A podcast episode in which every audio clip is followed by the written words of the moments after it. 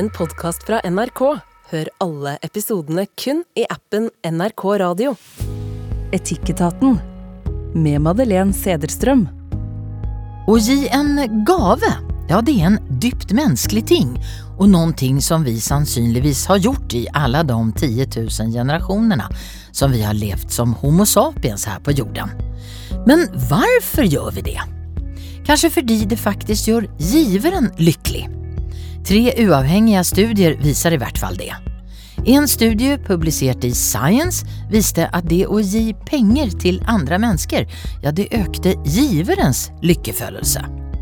Og i en annen studie publisert i Journal of Positive Psychology så fant man at det å gi gaver, det gjør oss mer empatiske. Velkommen til Etikketaten. Her skal vi undersøke hvilke verdier som ligger bak at vi mennesker gjør som vi gjør. I dag i panelet programleder Silje Nordnes, husdramatiker på Nationalteatret og forfatter Kamara Lundestad professor i filosofi ved Universitetet i Agder, Einar Duenger Bøhn. Velkomna! Idag ska det handla om gaver, det ska handla om rasism, det ska handla om en eller to konfirmationssällskap. Och bör det vara regler för prideflagg? Peter skriver til oss, vi börjar der. Jeg hater det jeg kaller bestillingslister til bryllup. Noe som kalles ønskelister. Ja, egentlig ønskelister generelt. Jeg syns gaver skal være noe som kommer fra hjertet. Det skal være i den størrelse og den verdi som giveren har lyst til. Man skal være glad for at man i det hele tatt får noe, så jeg kjøper alltid bare det jeg vil. Broren min, han er en sånn ønskelistefyr. Jeg er ikke fan. Er jeg teit? skriver eh, Peter.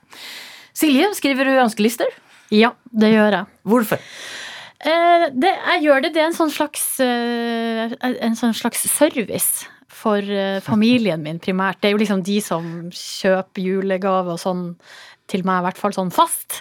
Eh, så det er en service der, de, der, jeg skriver ting som jeg vet at jeg trenger, eller som jeg ønsker meg som jeg ikke har tatt meg råd til. Ting som jeg vet jeg kommer til å bruke, osv. Og, så videre. og så men så er det ikke sånn at jeg blir sur eller lei meg hvis den lista ikke blir fulgt. Det er på en måte bare en sånn slags eh, veiledende mulighet. Kamara? Jeg skriver ikke ønskelister. Eh, men jeg kan svare direkte på spørsmål hvis noen syns det er vanskelig å kjøpe en gave til meg, men stort sett så ønsker jeg meg ikke gaver. Du, du vil ha penger?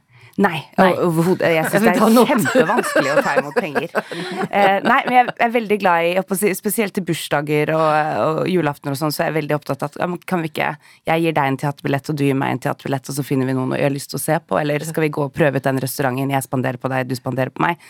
Den type fellesting. Men det å ta imot gaver, eller penger som gaver, det friker meg ut. Einar? Nei, jeg skriver ikke ønskelister. Eh, men jeg er vel kanskje litt sånn som Kamara. Jeg sier hva jeg ønsker meg av og til, sånn i en bisetning. Oi, den ønsker jeg meg neste bursdag til de som er rundt meg nærmest. Men jeg skriver aldri en ønskeliste til liksom en 40-årsdag. Kamara, du skal gifte deg snart. Det skal jeg. Har du skrevet ønskelister til det? Ja, det har jeg. Det syns jeg var veldig vanskelig. Eh, så vi har landa på at vi bare ønsker oss vin. Det er ikke lov til å ta med noe annet i gave i bryllupet enn vin. Vinflasker, rett og slett. Eh, man tar med, Vi spanderer vin til eh, maten og alt som er, og så tar man med én flaske vin til festen og én flaske vin i gave. Og noen er jo vinentusiaster og kommer med en kasse, og andre kommer med en flaske Riesling eller et eller annet, men bare for å gjøre det sånn, da kan du også stille deg på det prisnivået du selv har mulighet og kapasitet til å gi, og så blir det jo drukket. Silje, hva betyr gavene for deg?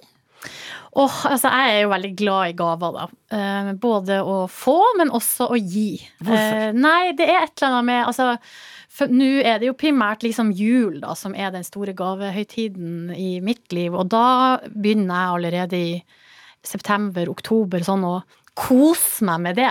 Lage liste på mobilen, tenk, øh, følg med på hva folk Eller den lista er egentlig hele året, da. Følg med på hva folk sier. Hvis noen sier at det er et eller annet de liker, eller et eller annet de har lyst på, eller drømmer om, eller så kan jeg notere meg det, så noterer jeg meg det på mobilen. Og så når det nærmer seg, så Det å gå i butikker er jeg også veldig glad i, men jeg kan jo ikke drive og kjøpe alt jeg vil ha, både av økonomiske og bærekraftsårsaker. Men da får jeg liksom en unnskyldning for å gå på shopping.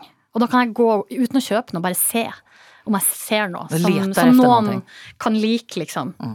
Så ja, det liker jeg godt. Jeg fikk veldig sansen for kameraet sin måte å gjøre det på, fordi jeg er så dårlig på å gi gave. Altså jeg, jeg står i en butikk og jeg får helt panikk. Altså Når jeg går og handler mat, så klarer jeg ikke å handle. Altså Jeg kommer inn, så kjøper jeg en liter melk, og det hadde jeg fra før. Altså jeg, får, jeg klarer ikke å planlegge. Og når det kommer til gaver, enda verre. Jeg vet ikke hva jeg skal kjøpe. Så hvis jeg var bedt i bryllupet ditt og bare fikk beskjed ta med en vinflaske, så må jeg gå inn på polet og plukke en rødvinsflaske. Altså. det er helt genialt. Det- altså, det er utrolig det er sånn avslappende måte å komme i selskap på, da. Ja, ta med to, ta med tre, men eh, bare vin. Du får én sånn der Masi til 129 kroner fra meg. Helt ok. Det er lettest å finne. Kamara, är det, eh, hvordan gjør man det her med gaver i Gambia? Nei, altså tenker du spesifikt på bryllupsgaver da? for eksempel. eller? Ja. Altså, nå skal jeg si at et bryllup på Gambia Jeg var i et uh, Min bror giftet seg i Gambia i 2019, så det var den siste turen man liksom tok før korona kom, da. Og da var det jo 350 gjester, da, eh, over tre dager eh, i et bryllup. Og det koster jo. Eh, Så det man gir da, er penger, men man gir penger på en veldig spesifikk måte. Bruden og brudgommen de stiller seg midt på gulvet, og så er det en person som synger familiehistoriene til begge to, mens alle danser rundt, og så kaster du penger på paret. Eh, og da kaster noen små sedler, noen kaster store sedler, men det at, så er det noen som samler opp disse pengene etterpå, så ingen vet nøyaktig hvor mye noen ga, sånn at det ikke ligger noe skam i det, eller forventning på at det var lite penger eller mye penger. Alle bare står og kaster, det kan være liksom én dollar, eller det kan være 100 dollar, men du, du kaster det ut, og så blir det samlet opp sammen, og det er ofte på en måte bidraget til bryllupet, da. Da er det lett å bare gi en dollar òg, da. Det kan man, men eh, du skal jo gjerne Den, den eh, familiesanghistorien tar jo ofte en drøy time og halvannen, så du skal men med 350 gjester så går du på en måte fram, kaster litt, så trekker du deg tilbake, så kommer noen andre og kaster, og så er det på en måte denne Men kaster du lykkesirkelen. på da. dem? Ja. Så det er bra det ikke er mynter, da. ja, ikke mynter, det er bare sedler. Fantastisk. Men er ikke det, det, her, det, her, det her måste jo være den ultimate skal vi si, eh, i- icke-klassekampmässiga måten å gi gaver på.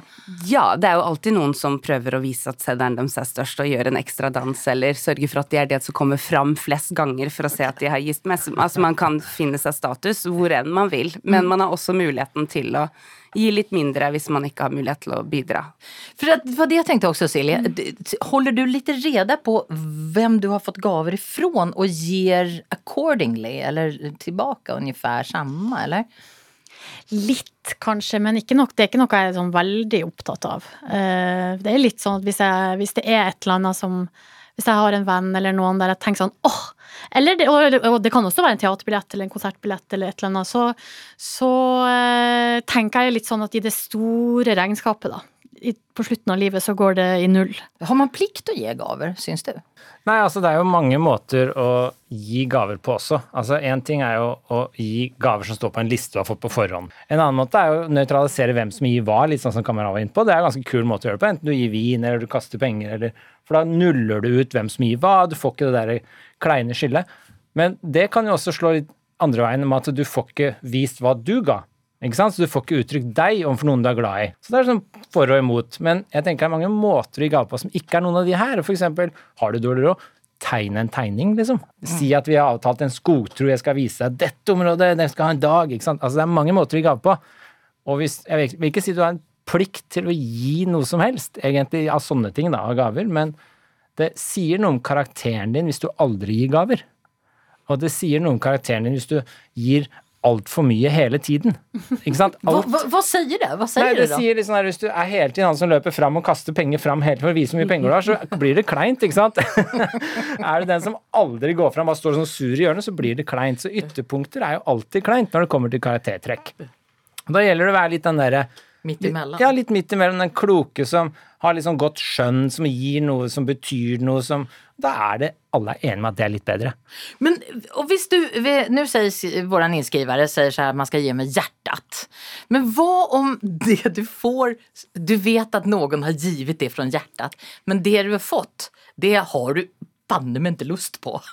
Nei, vi har jo alle fått gaver som håper å si, fortsetter å gi i sin elendighet. Eh, det, det, For meg så er det veldig ofte når folk eh, tenker 'å, du driver med kunst', du setter sikkert pris på kunst.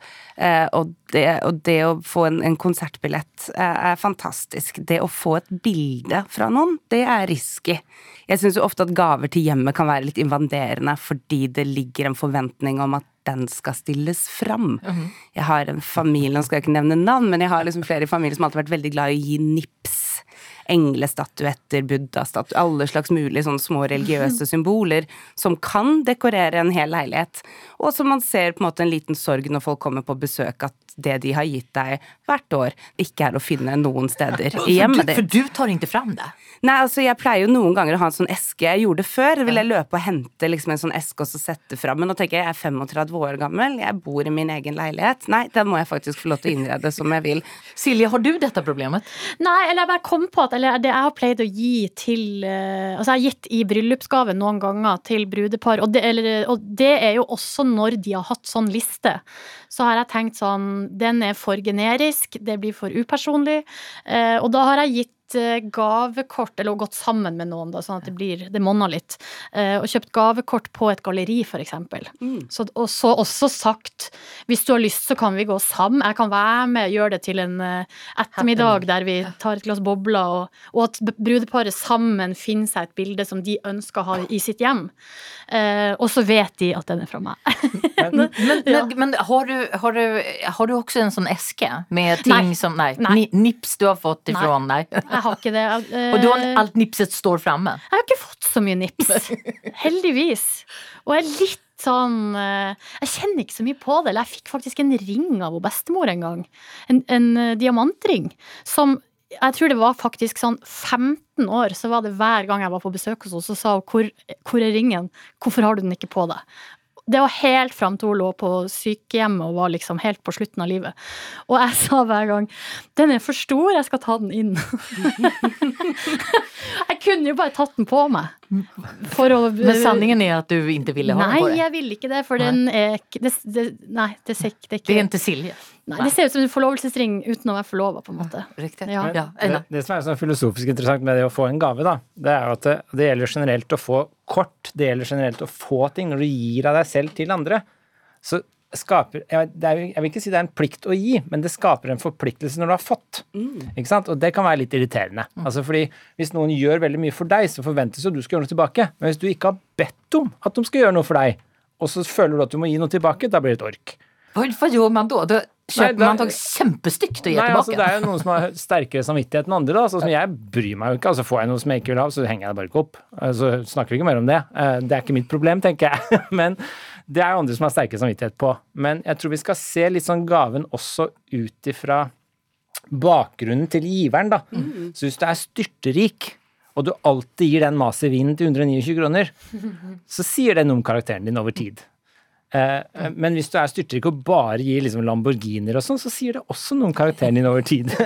så det må være noe å finne noe som på en måte uttrykker deg sånn du vil at du skal fremstå, som må være det ideelle gaven du gir. Altså hvordan vil jeg fremstå uten å liksom byrde den jeg gir det til? Mm. Det må være det ideelle, sånn jeg tenker, moralsk sett, å gi en gave. Nei, men Dette tenker jeg også veldig mye på, spesielt i henhold til bryllupslister. Da. At jeg tenker at det ligger både et alderssegment og et klassesegment i dette med Altså, I gamle dager, når folk liksom gifta seg når de var 1920 og skulle flytte sammen og bygge et liv, og da trengte man en vaskemaskin, og man trengte på en måte servise, og da var det ganske så naturlig at det var det som sto på de listene. Når det er på en måte godt voksne mennesker, godt etablerte folk som tjener eh, tjener sine egne årslønner og har sine egne kjøkken, og ofte i voksen alder da slår kjøkken sammen når man flytter sammen, så liksom man har dobbelt av alt, så opplever det alltid som veldig rart når man har liksom lagd en sånn liste på Glassmagasinet og ønsker seg den lasagneformen til 1200 spenn, som jo jeg har kjøpt i bryllupsgave til noen, og jeg sto irritert som frilanskunstner, kan jeg huske, og tenkte at min venninne som jobbet liksom i et litt mer høyt lønna segment til meg, forventa at jeg skulle bruke 1200 kroner på en lasagne, for jeg visste hun hadde en fra Ikea. Der, men jeg liker veldig godt, det har jeg jo sett noen ganger i bryllupsinvitasjoner som jeg har fått, at, um, at liksom tonen i invitasjonen er, er veldig sånn åpen, da, og at det blir sagt uh, svart på hvitt, eller at det blir sagt her, vi har laga ei liste, men det er ikke sånn at uh, det må være derfra. Det er på en måte bare en, en service da, til de som eventuelt uh, syns det er veldig vanskelig. Kan jeg føye til en ting? For det som er litt sånn, litt sånn opptatt det idealet med å gi gave òg, ikke sant. Altså hva er den ultimate kjærlighetsgaven? Og da mener jeg kjærlighet sånn til andre mennesker, ikke sånn nødvendigvis erotisk, men sånn til barn, til kone, familie, venner. Forskjellige typer kjærlighetsforhold. Og så er det sånn, hvordan ser en kjærlighetsgave ut? Og det må jo være at du gir noe til en annen, og så kommer den gaven fra deg, ikke av egoistiske hensyn, men du gir det fordi du vil den andre skal ha noe bra. Og den andre skjønner det, og det treffer den andre. Og den skjønner at du gjør det fordi du har skjønt hvem de er, hvem, hva de trenger og hvorfor. Da er det en ultimat kjærlighetsgave, sånn jeg sitter og tenker på nå.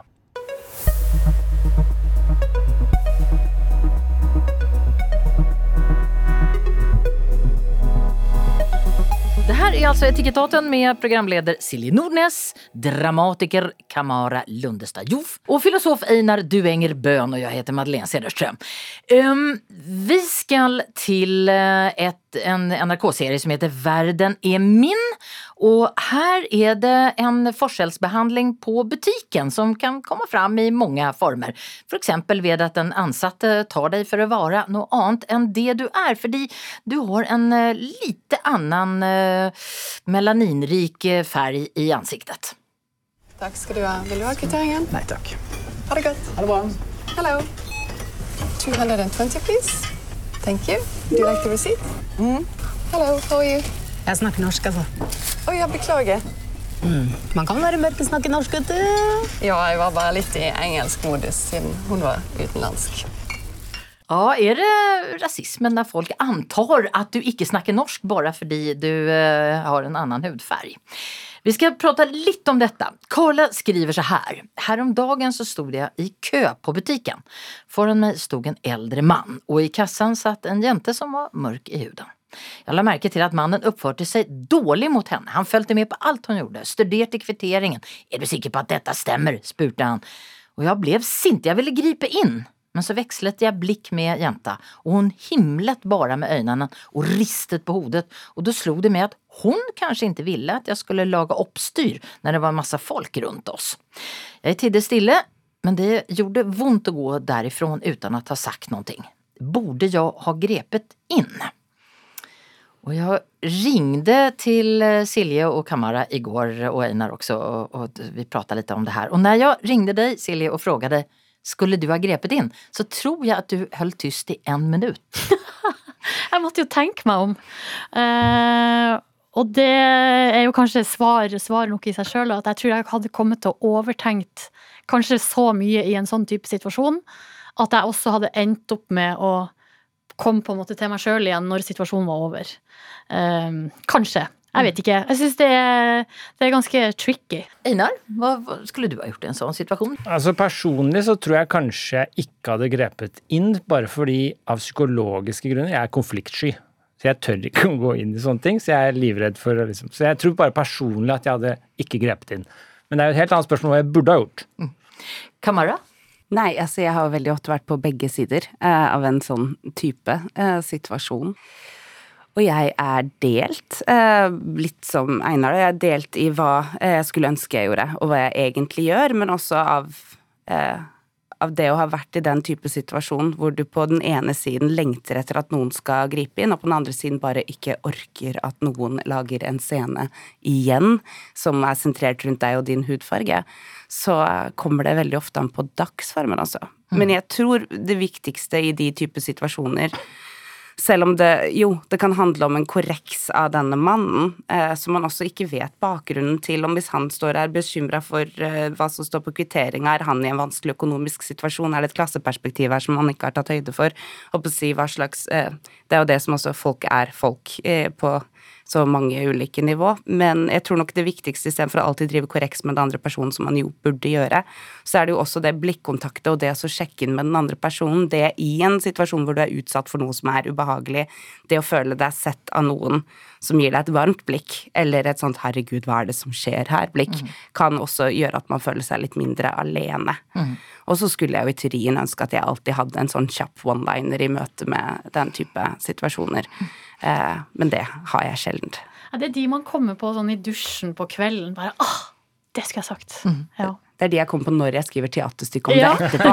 Da vet jeg akkurat hva bra, karakterene mine skulle sagt, men det er veldig sjelden jeg vet hva jeg skal si selv i de Jeg fryser veldig lett i møte med sånt ubehag.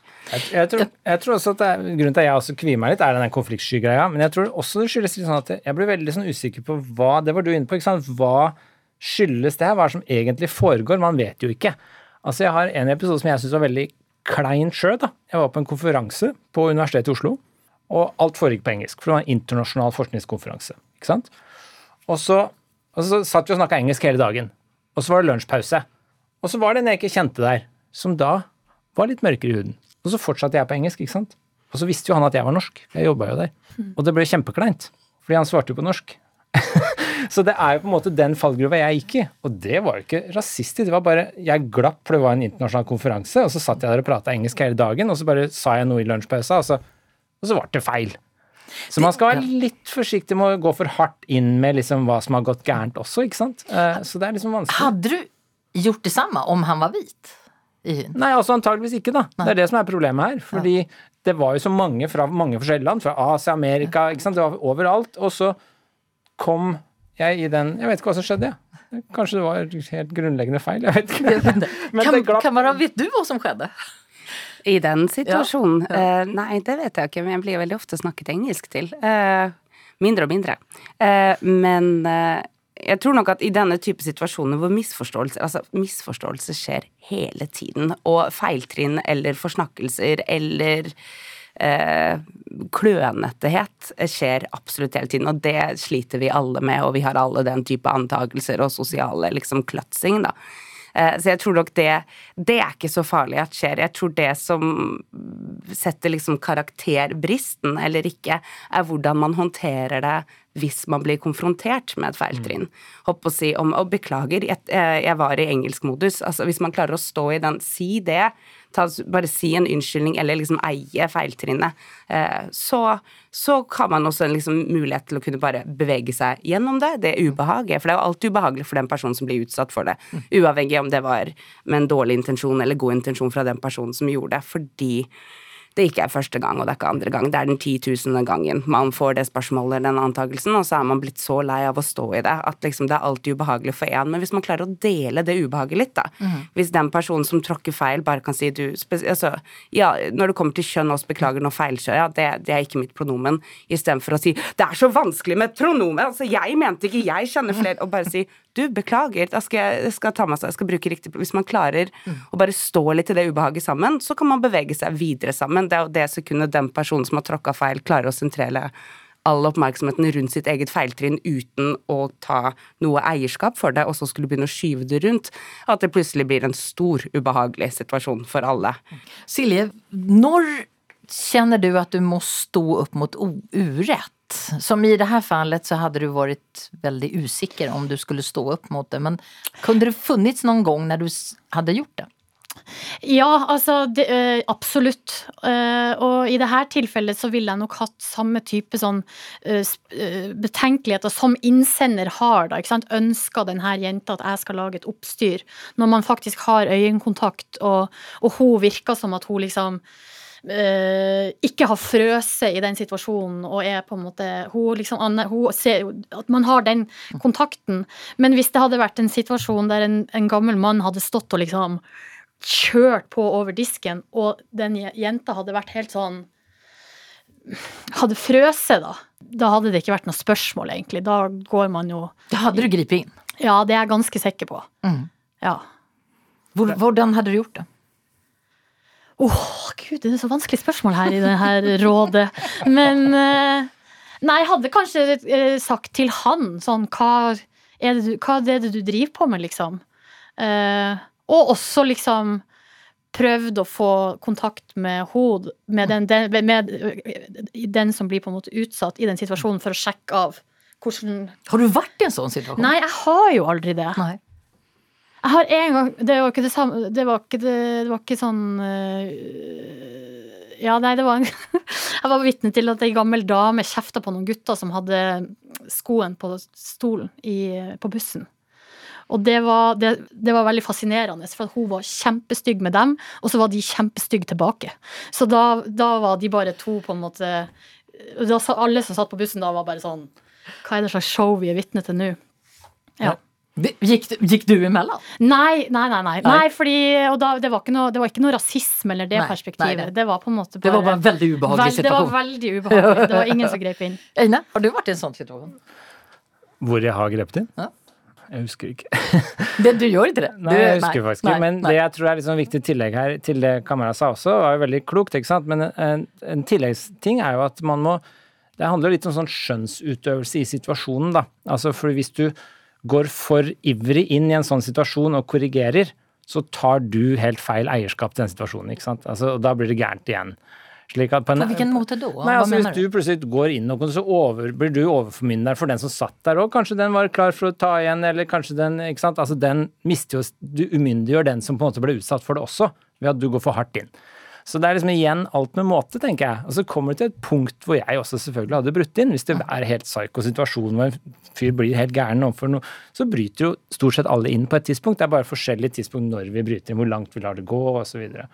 så det er jo å finne den magiske skjønnsutøvelsen som er som trikset her, da. Kamara, har du vært i en situasjon der du gjerne hadde sett at noen hadde grepet in?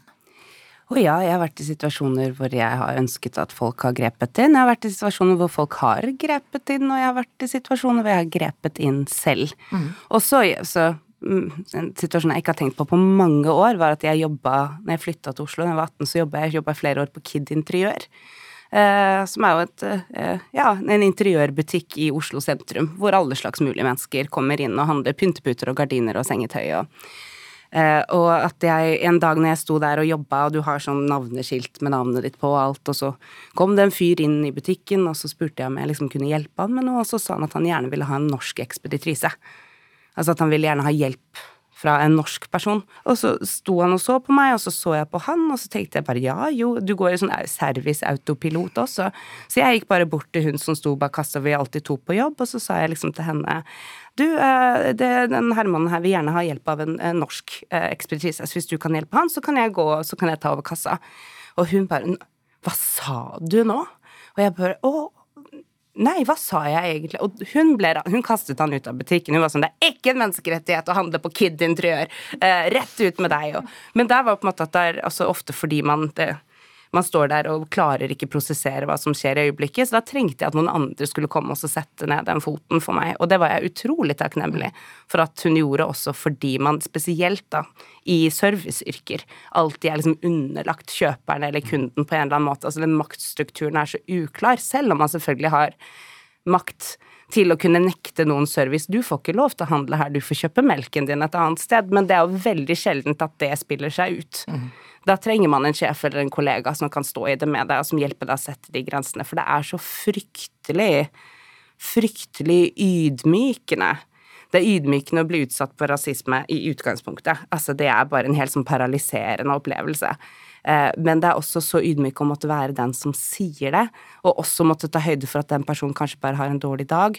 Og kanskje er det fordi jeg var skeiv, er det fordi jeg er kvinne, er det fordi jeg er brun, er det, har det ingenting med meg å gjøre? Altså alle de prosesseringene man går fordi man har lyst til at denne situasjonen ikke skal skje, og man har minst lyst til å stå i den. Og man har i hvert fall ikke lyst til å bruke det ordet, R-ordet, for da vet man at det eskalerer.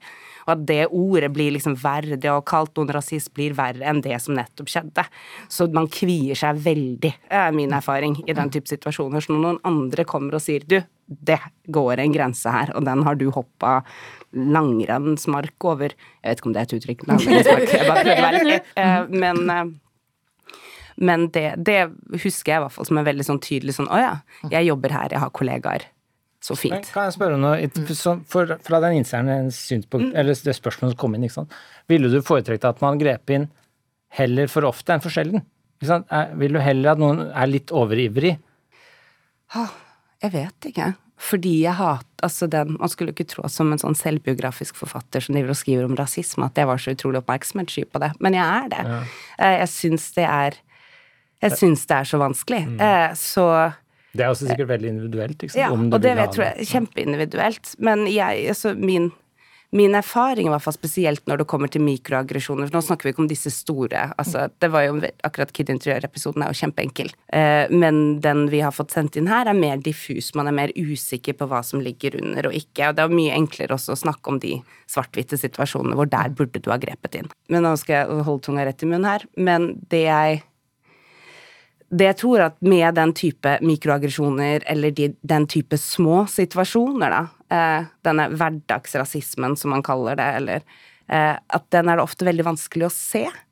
Og man ser den ikke før man tror den, på en eller annen måte. Så jeg tror nok at man kanskje skulle ønske at folk grep inn oftere, fordi hvis du ser én ting, så er det ofte ti ting du ikke har sett.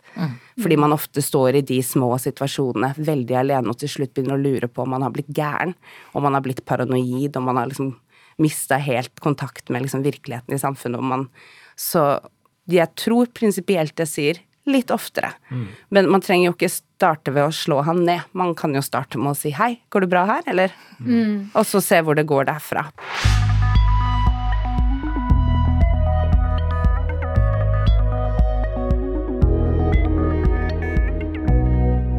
Det er altså Etikettaten med programleder Silje Nordnes, dramatiker Kamara Lundestad Joff og filosof Einar Duenger Bøhn. En innskriver har fortalt oss om en situasjon der en konfirmant må ha to selskaper fordi foreldrene ikke klarer å være i samme rom. Innskriveren tenker så her. Den konfirmationsforberedelsene er jo nettopp at ungdommene skal reflektere over egne valg, verdier og handlinger. I dette tilfellet er det jo foreldrene som er problemet. Hvem bør man ta hensyn til? Og til panelet. Et selskap, to selskap. Eh, noenlunde konfliktfritt, Silje? Ett selskap. Utvilsomt.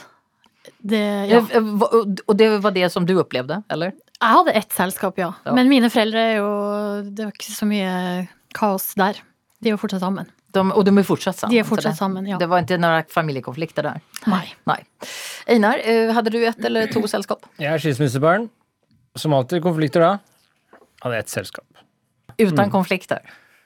Ja, jeg, ja, vi hadde ett selskap. Og jeg mener jo i det tilfellet her også at eh, det burde være ett selskap, og at foreldre burde skjerpe seg. Kamara, ett eller to selskap? Jeg Jo, eh, jeg hadde ett selskap, men jeg avinviterte min far fordi jeg ikke orket mine foreldre sine konflikter. Eh, Så jeg ga dem et ultimatum at de, det var ett selskap for det vi hadde råd til, men at jeg kom bare til å møte opp hvis det var en av dem som sto og holdt i det, og ikke to.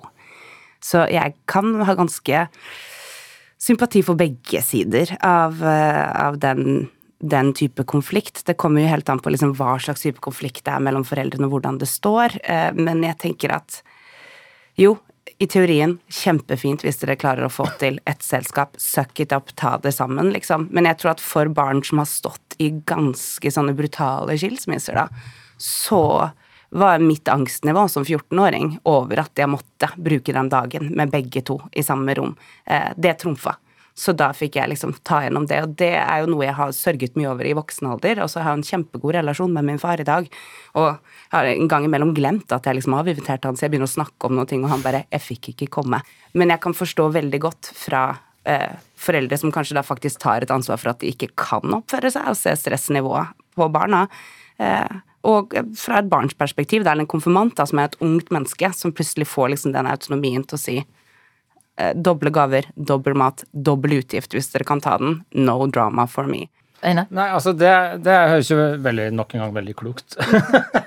Men det var ikke det jeg fikk inntrykk av var tilfellet i det spørsmålet vi fikk. Der var vel spørsmålet hvem skal ta hensyn til, konfirmanten eller foreldra?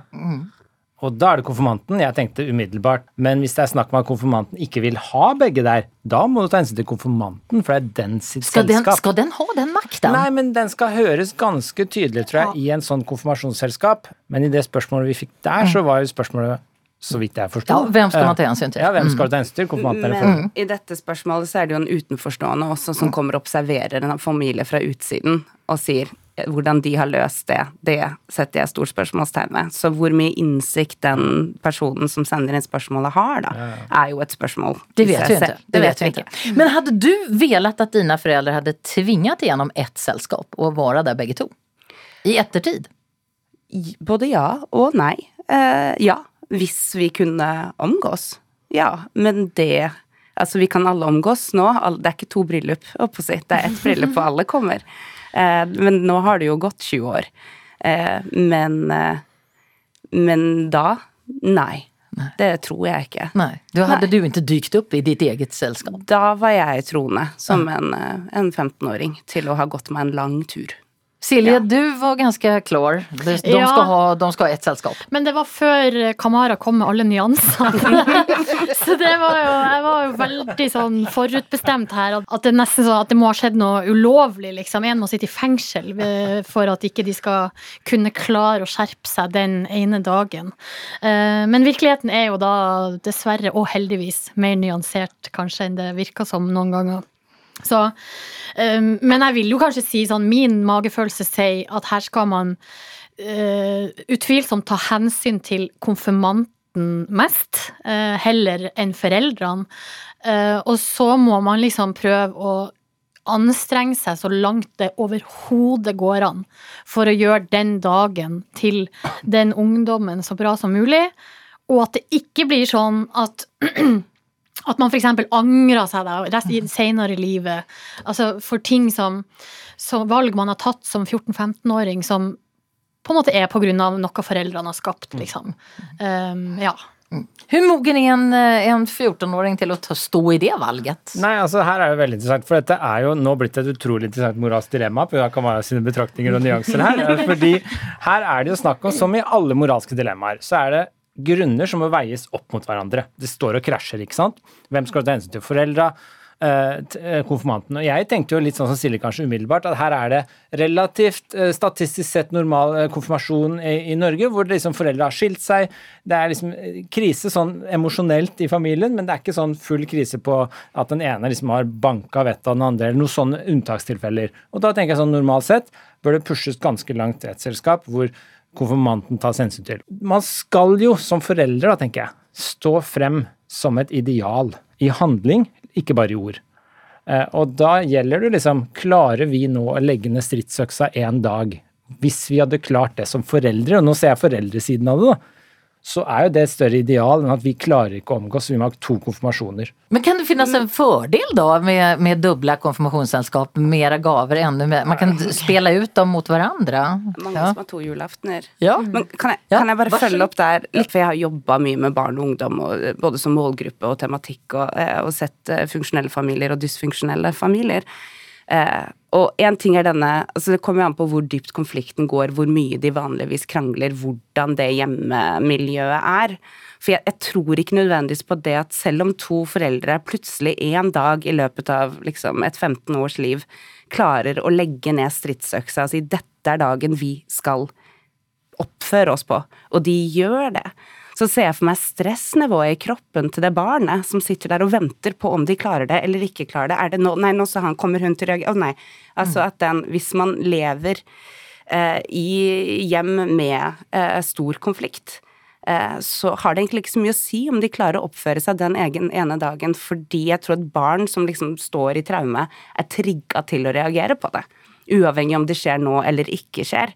Så det tenker jeg også må ligge inn i dette hensynet, da, at selv om disse foreldrene i et sånt unikt dydsmønster klarer å oppføre seg den dagen, hvordan er dagen for konfirmanten som sitter og venter på dette miraklet? Ja, jeg er enig i det. Helt enig i det. Men jeg tror også at det setter et ideal hvis du klarer å vise at vi klarer det den dagen her. Og da stressnivået til unga skal ikke alltid overveie de idealene. Så dette er en gradsforskjell, og det er en oppveining av hvor mye du skal veie hver av de, eh, som er liksom det klassiske dilemmaet. og er ikke opplagt, liksom, som alltid i etikk, da. Jeg tror ikke det er opplagt liksom, at det faller i den ene eller andre retningen, for det kommer veldig an på kontekst, det kommer an på bakgrunnen, det kommer an på hele situasjonen, alle grunnene. Idealet er jo at konfliktnivået mellom foreldre skal ikke være så stort at denne dagen blir et problem.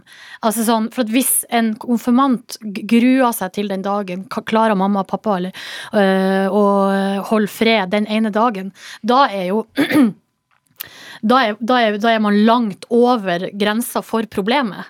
Så man burde jo klare å oppføre seg lenge før det, tenker jeg da. Eh, ideelt sett. Og så skjønner jeg jo at ikke virkeligheten er sånn alltid. Men at eh, Så tenker jeg sånn veldig naivt at man må nå vel kunne klare å oppføre seg, liksom. Selv om eh, voksne folk begår svik mot hverandre. At ikke det skal gå utover ungene. Men, jeg Men er, det også veldig, er är det også veldig sånn her tradisjonelt tenkt, det- detta med at du skal være en familie, mor og far skal være der den dagen? Ja, det er Ja, är veldig, det det er jo väldigt, det. konsek- väldigt konservativt? Ja, Kanskje. men hva er nødvendigvis galt med det? Altså, alle trenger jo konservative tradisjoner som skal opprettholdes i en viss grad. Altså, jeg vil ikke ha for mye, ikke for lite av det. Men det trenger grad. Man skal ikke kimse av konfirmasjon fordi det er en konservativ tradisjon. Det er en tradisjon. Alle tradisjoner er per definisjon konservative fordi de har pågått lenge. Og så bare oppløse det fordi liksom det er noen sånne vinglete konflikter her og nå, det blir også helt feil. Du skal bevare det til en viss grad, og så må du bruke skjønn. Er dette en god dag for alle? Blir det helt for jævlig hvis denne begge kommer, eller ikke? Altså må du veie det opp mot hverandre. Jeg syns tradisjoner som konfirmasjon er viktig, jeg syns tradisjoner som bryllup er viktig. Hvis det oppløses, så oppløses mye av samfunnslivet. Så det er liksom det er hensyn både prinsipielt og personlig tas, og det er ikke opplagt når den ene skal trumfe den andre. Da. Sånn politisk og filosofisk. Jeg tenker litt at eh, for meg, Folk sier jo noen ganger at de syns at konfirmasjonen er kjedelig og dåp er kjedelig. og så tenker jeg, Det er jo eh, en anledning til å samles, spise mat eh, og være sammen som ikke er en begravelse. Det er nå det første. At det er på en måte formildende omstendighet for konfirmasjon og dåp. Og så er det sånn, i min familie så er det sånn, det blir, når alle er samla, det blir kranglinger. ja. Åpenbart. Men det er jo liksom en del av pakken. Man skal velge sine traumer. Ja. Og noen hendelser det- i konfirmasjon er bra selv fordi de var tragikomiske, ikke sant? Ja. Det er en del av kosen, det. Bli venner etterpå. Hur er, det, hur er det i din familie? Blir det, blir det krangling i stort sett når de samles, eller er det... Nei. Nei. Nei, faktisk nå går det ganske fredelig for seg. Eh, vi fikk blåst det ut på 90-tallet. Jeg tenker veldig sjelden på den dagen. Den har ikke merka meg, eller jeg har ikke noen arr som jeg bærer med meg. Og min søster som konfirmerte seg tre år senere, fikk en veldig konfliktfri konfirmasjon. Også kanskje fordi at vi pika litt i konflikt på min, da. Vi skal avrunda. Eh, våran inskriver, du skal definitivt ta hensyn til konfirmanten. Det er det viktige vi skal säga til innskriveren. Men ikke for mye.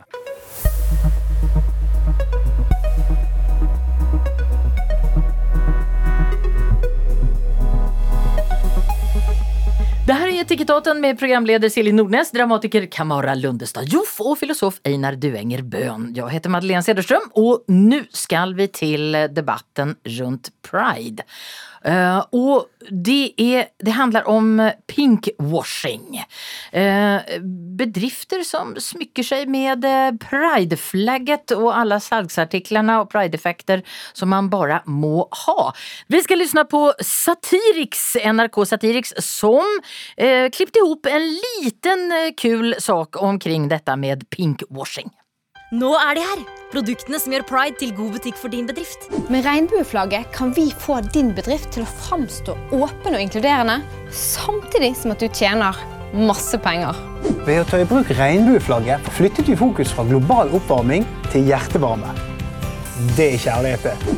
Når folk ser denne, så tenker ikke de at den er laget av slaver i Kambodsja.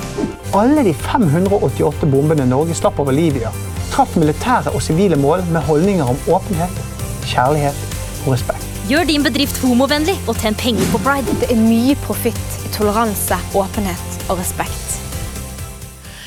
Ja, dette er så kallad pinkwashing. Alle setter opp prideflagg overalt. Eh, med eller utan, skal vi si, gode motiver. Eh, men først skal jeg til Kamara og til, til Silje. Hvordan føles det å gå i en stad som er fullstendig tekt med prideflagg, Silje? Jeg syns det føles eh, veldig bra. Det er vel egentlig det som er bunnlinja. Det føles bra. Og så tenker at det føles for min del, da Det er én ting å gå i, på Oslo City eller et annet kjøpesenter og se det der. Det er liksom én følelse, og den er fortsatt ganske bra. Men det betyr mer i mitt eget nabolag, faktisk. Når jeg ser at folk, private, flagger på balkongene sine, og at borettslag har tatt en sånn runde og funnet ut at det, så det skal vi gjøre her. At det oppleves enda mer genuint, og derfor også enda bedre, da. Kamara, hvilken følelse har du i en stad eh, tekt av prideflagg? Jeg vet ikke lenger, jeg. Eh, Jeg tror at eh, hendelsen hendelsene i juni i fjor skifta det eh, veldig for meg. Fra å være noe som kjentes eh, trygt og inkluderende, til noe som plutselig ga høyere puls på en annen måte. Det kommer man jo ikke unna. Eh, Men jeg har jo egentlig alltid vært en sånn Jeg er ikke en lettrørt person, men jeg griner hele paraden. Det har jeg alltid gjort. Jeg begynner å grine når flaggene kommer opp. Jeg blir bare eh, Ja. eh, jeg tar på meg glitteret mitt og eh, danser meg gjennom gatene, og det har jeg på en måte gjort siden jeg begynte å snike meg inn på Pride-parade da jeg var 15. Kom ut av skapet. Så det, det betyr jo eh, Symbolet betyr jo veldig mye for veldig mange. Einar, kjenner du noe når du går i en stad full av prideflagg? Nei, ikke så mye, egentlig. Jeg syns det føles helt greit. Jeg har ikke noe mot egentlig. Ja. Men bare greit? Ja. Nei, jeg syns det er greit. Men altså, det er noen ganger eh, Altså, det er alltid noen sider hvor jeg, jeg er litt sånn som Hvis for mange mener noe, så mener jeg noe litt annet. Uansett hvilken side det går til. Det spiller ingen rolle for meg. så at det er alltid noe å plukke på. Men det kan vi komme tilbake til. Jeg personlig føler ingenting. Ikke noe spesielt. Det er koselig at folk får flagge med akkurat hva de vil, og når de vil. Og Silje, får man lov å flagge i, for sin, i, med sin bedrift i Oslo, men ikke i Polen? Det er jo ikke ulovlig, men eh, da er det jo lov å stille spørsmålstegn ved på en måte motivet og intensjonen bak. Hva er det man egentlig vil da med å ikle seg de fargene? Og skjønner man hva det betyr, og ja, så Er det, no, er det noen gang når du tenker det her får jeg litt eh, vondt i magen av? Ja, altså innimellom eh, gjør det jo det, og det er klart at som Kamara sier da, at etter at det som skjedde i fjor, så stiller man jo litt mer spørsmålstegn ved hva om på en måte storsamfunnet forstår liksom hva det betyr. Og så prøver vi som er skeive, har jo prøvd i årevis å fortelle det og forklare hvorfor det betyr noe, hvorfor det er viktig, og hvorfor vi blir rørt, og hvorfor vi den ene dagen i Oslo sentrum gjør at vi blir helt sånn øh, Ja, blir, blir veldig bevega, da, veldig mange av oss. Um, og så er det akkurat som at eh, at eh, det ikke går, når helt inn, da.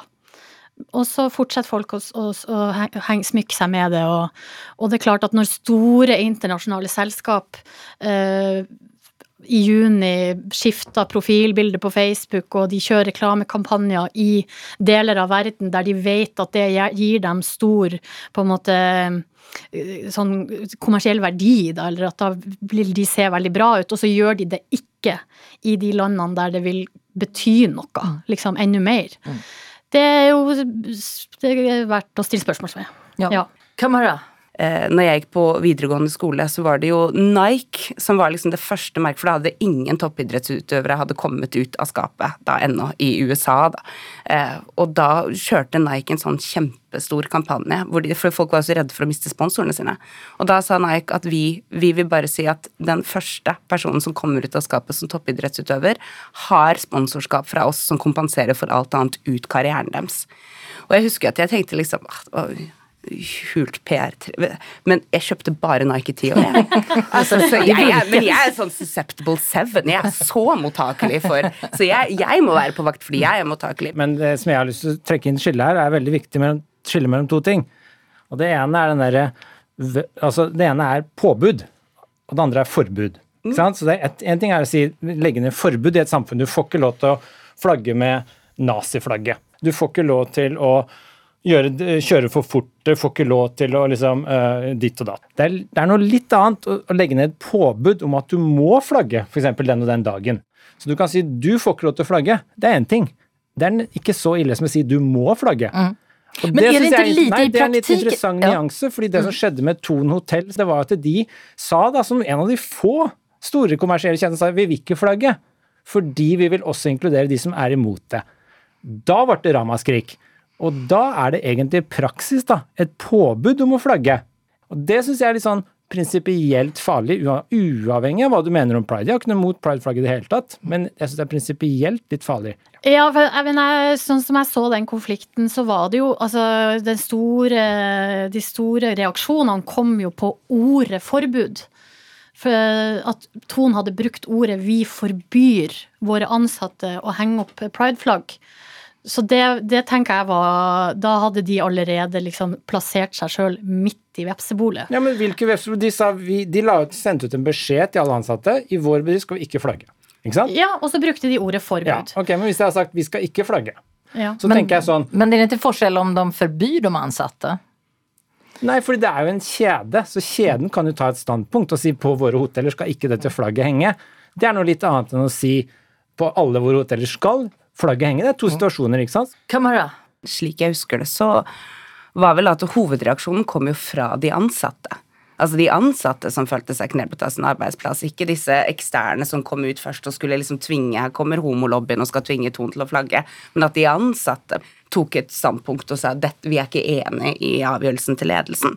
Einar? Det som er plager meg litt, er når det blir et prinsipielt press på at du skal gjøre noe, fremfor ikke.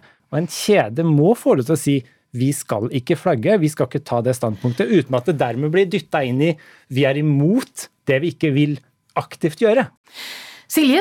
Jeg syns det, det er litt vanskelig å ha egentlig en sånn pr- prinsipiell og rasjonell diskusjon om temaet, fordi det blir så nært, da, på en måte. Så jeg merker at hodet mitt liksom går litt i spinn, at det stopper litt opp. Eh, Men jeg er veldig glad for at vi har denne samtalen, for at det jeg syns er litt sånn så jeg synes det blir, Når jeg kjenner, når det blusser opp en sånn type debatt, så får jeg ubehag i brystet, og jeg kjenner jeg blir engstelig. Og så eh, bidrar jo åpenbart media med de her store, som jeg sjøl er en del av, med eh, spissa vinklinger, store bokstaver, røde farger, eller det blir sånn herre Åh! Ja, det blir for meget. Ja. fordi det som er litt sånn interessant her, ikke sant, det er jo at det, er jo ikke noen tvil om eh, Altså, på den ene siden må du stille deg spørsmålet hva er det pride er Hva er det vi går i tog for? Og det er ikke noe tvil om at eh, pride representerer veldig mye mer enn bare slagordet du ofte hører, nemlig at retten til å elske hvem du vil.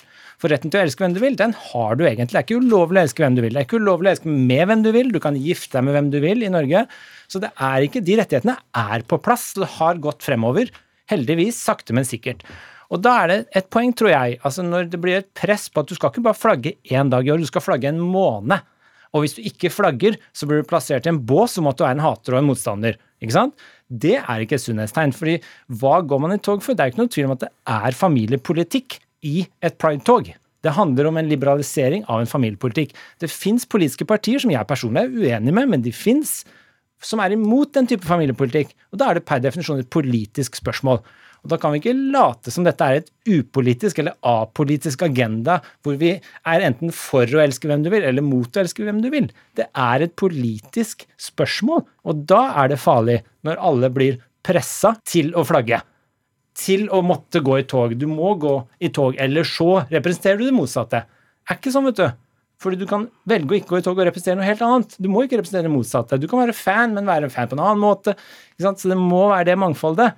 Det er ikke et reelt mangfold når du inkluderer disse og disse, men hvis du er meningsmangfoldet ikke er der, så er det ikke et reelt mangfold. Ja, det er det som er farlig. Kamara, er du enig? Ja, både ja og nei. Altså, jo da, klart det er. Eh, vanskelig å være uenig i den store prinsipielle liksom, overhengende Har vi liksom ytringsfrihet, kan du være Og jeg mener jo at eh, eh, for min del så er det jo mange som godt kan la være å flagge hvis de ikke står for det året rundt og jobber med det året rundt og har det implementert på arbeidsplassene sine. Eh, så la være. For det, det er jo mye verre i mange andre land, ikke sant. Så det, det kommer litt an på vinkling av hva det er du skal fronte. Jeg ville gjerne gått i tog for å fronte retten til å gifte deg med hvem du vil. Ikke sant? Det vil jeg gjerne gå til tog for, for det syns jeg er utrolig viktig. Det har ikke staten noe med hvem du ligger med, hvem du elsker, hvem du gifter deg med. Det har ikke staten noe med. Men når det blir veldig sånn familiepolitisk, så er det å ta et standpunkt og gå i det. Hvis det blir en veldig liberalisering, er det et standpunkt. Er det en veldig konservativ retning, er det et standpunkt. Og her er det et psykologisk spørsmål. Altså jeg tror hvis man går veldig aggressivt og hardt ut for noe, så kommer det en backlash. Og det min hypotese at det er det vi ser litt nå. Det har gått litt fart. Hvis du er alle flagger kommersielt i én måned, så er det jeg kjenner da mange som reagerer litt på at nå er det for mye.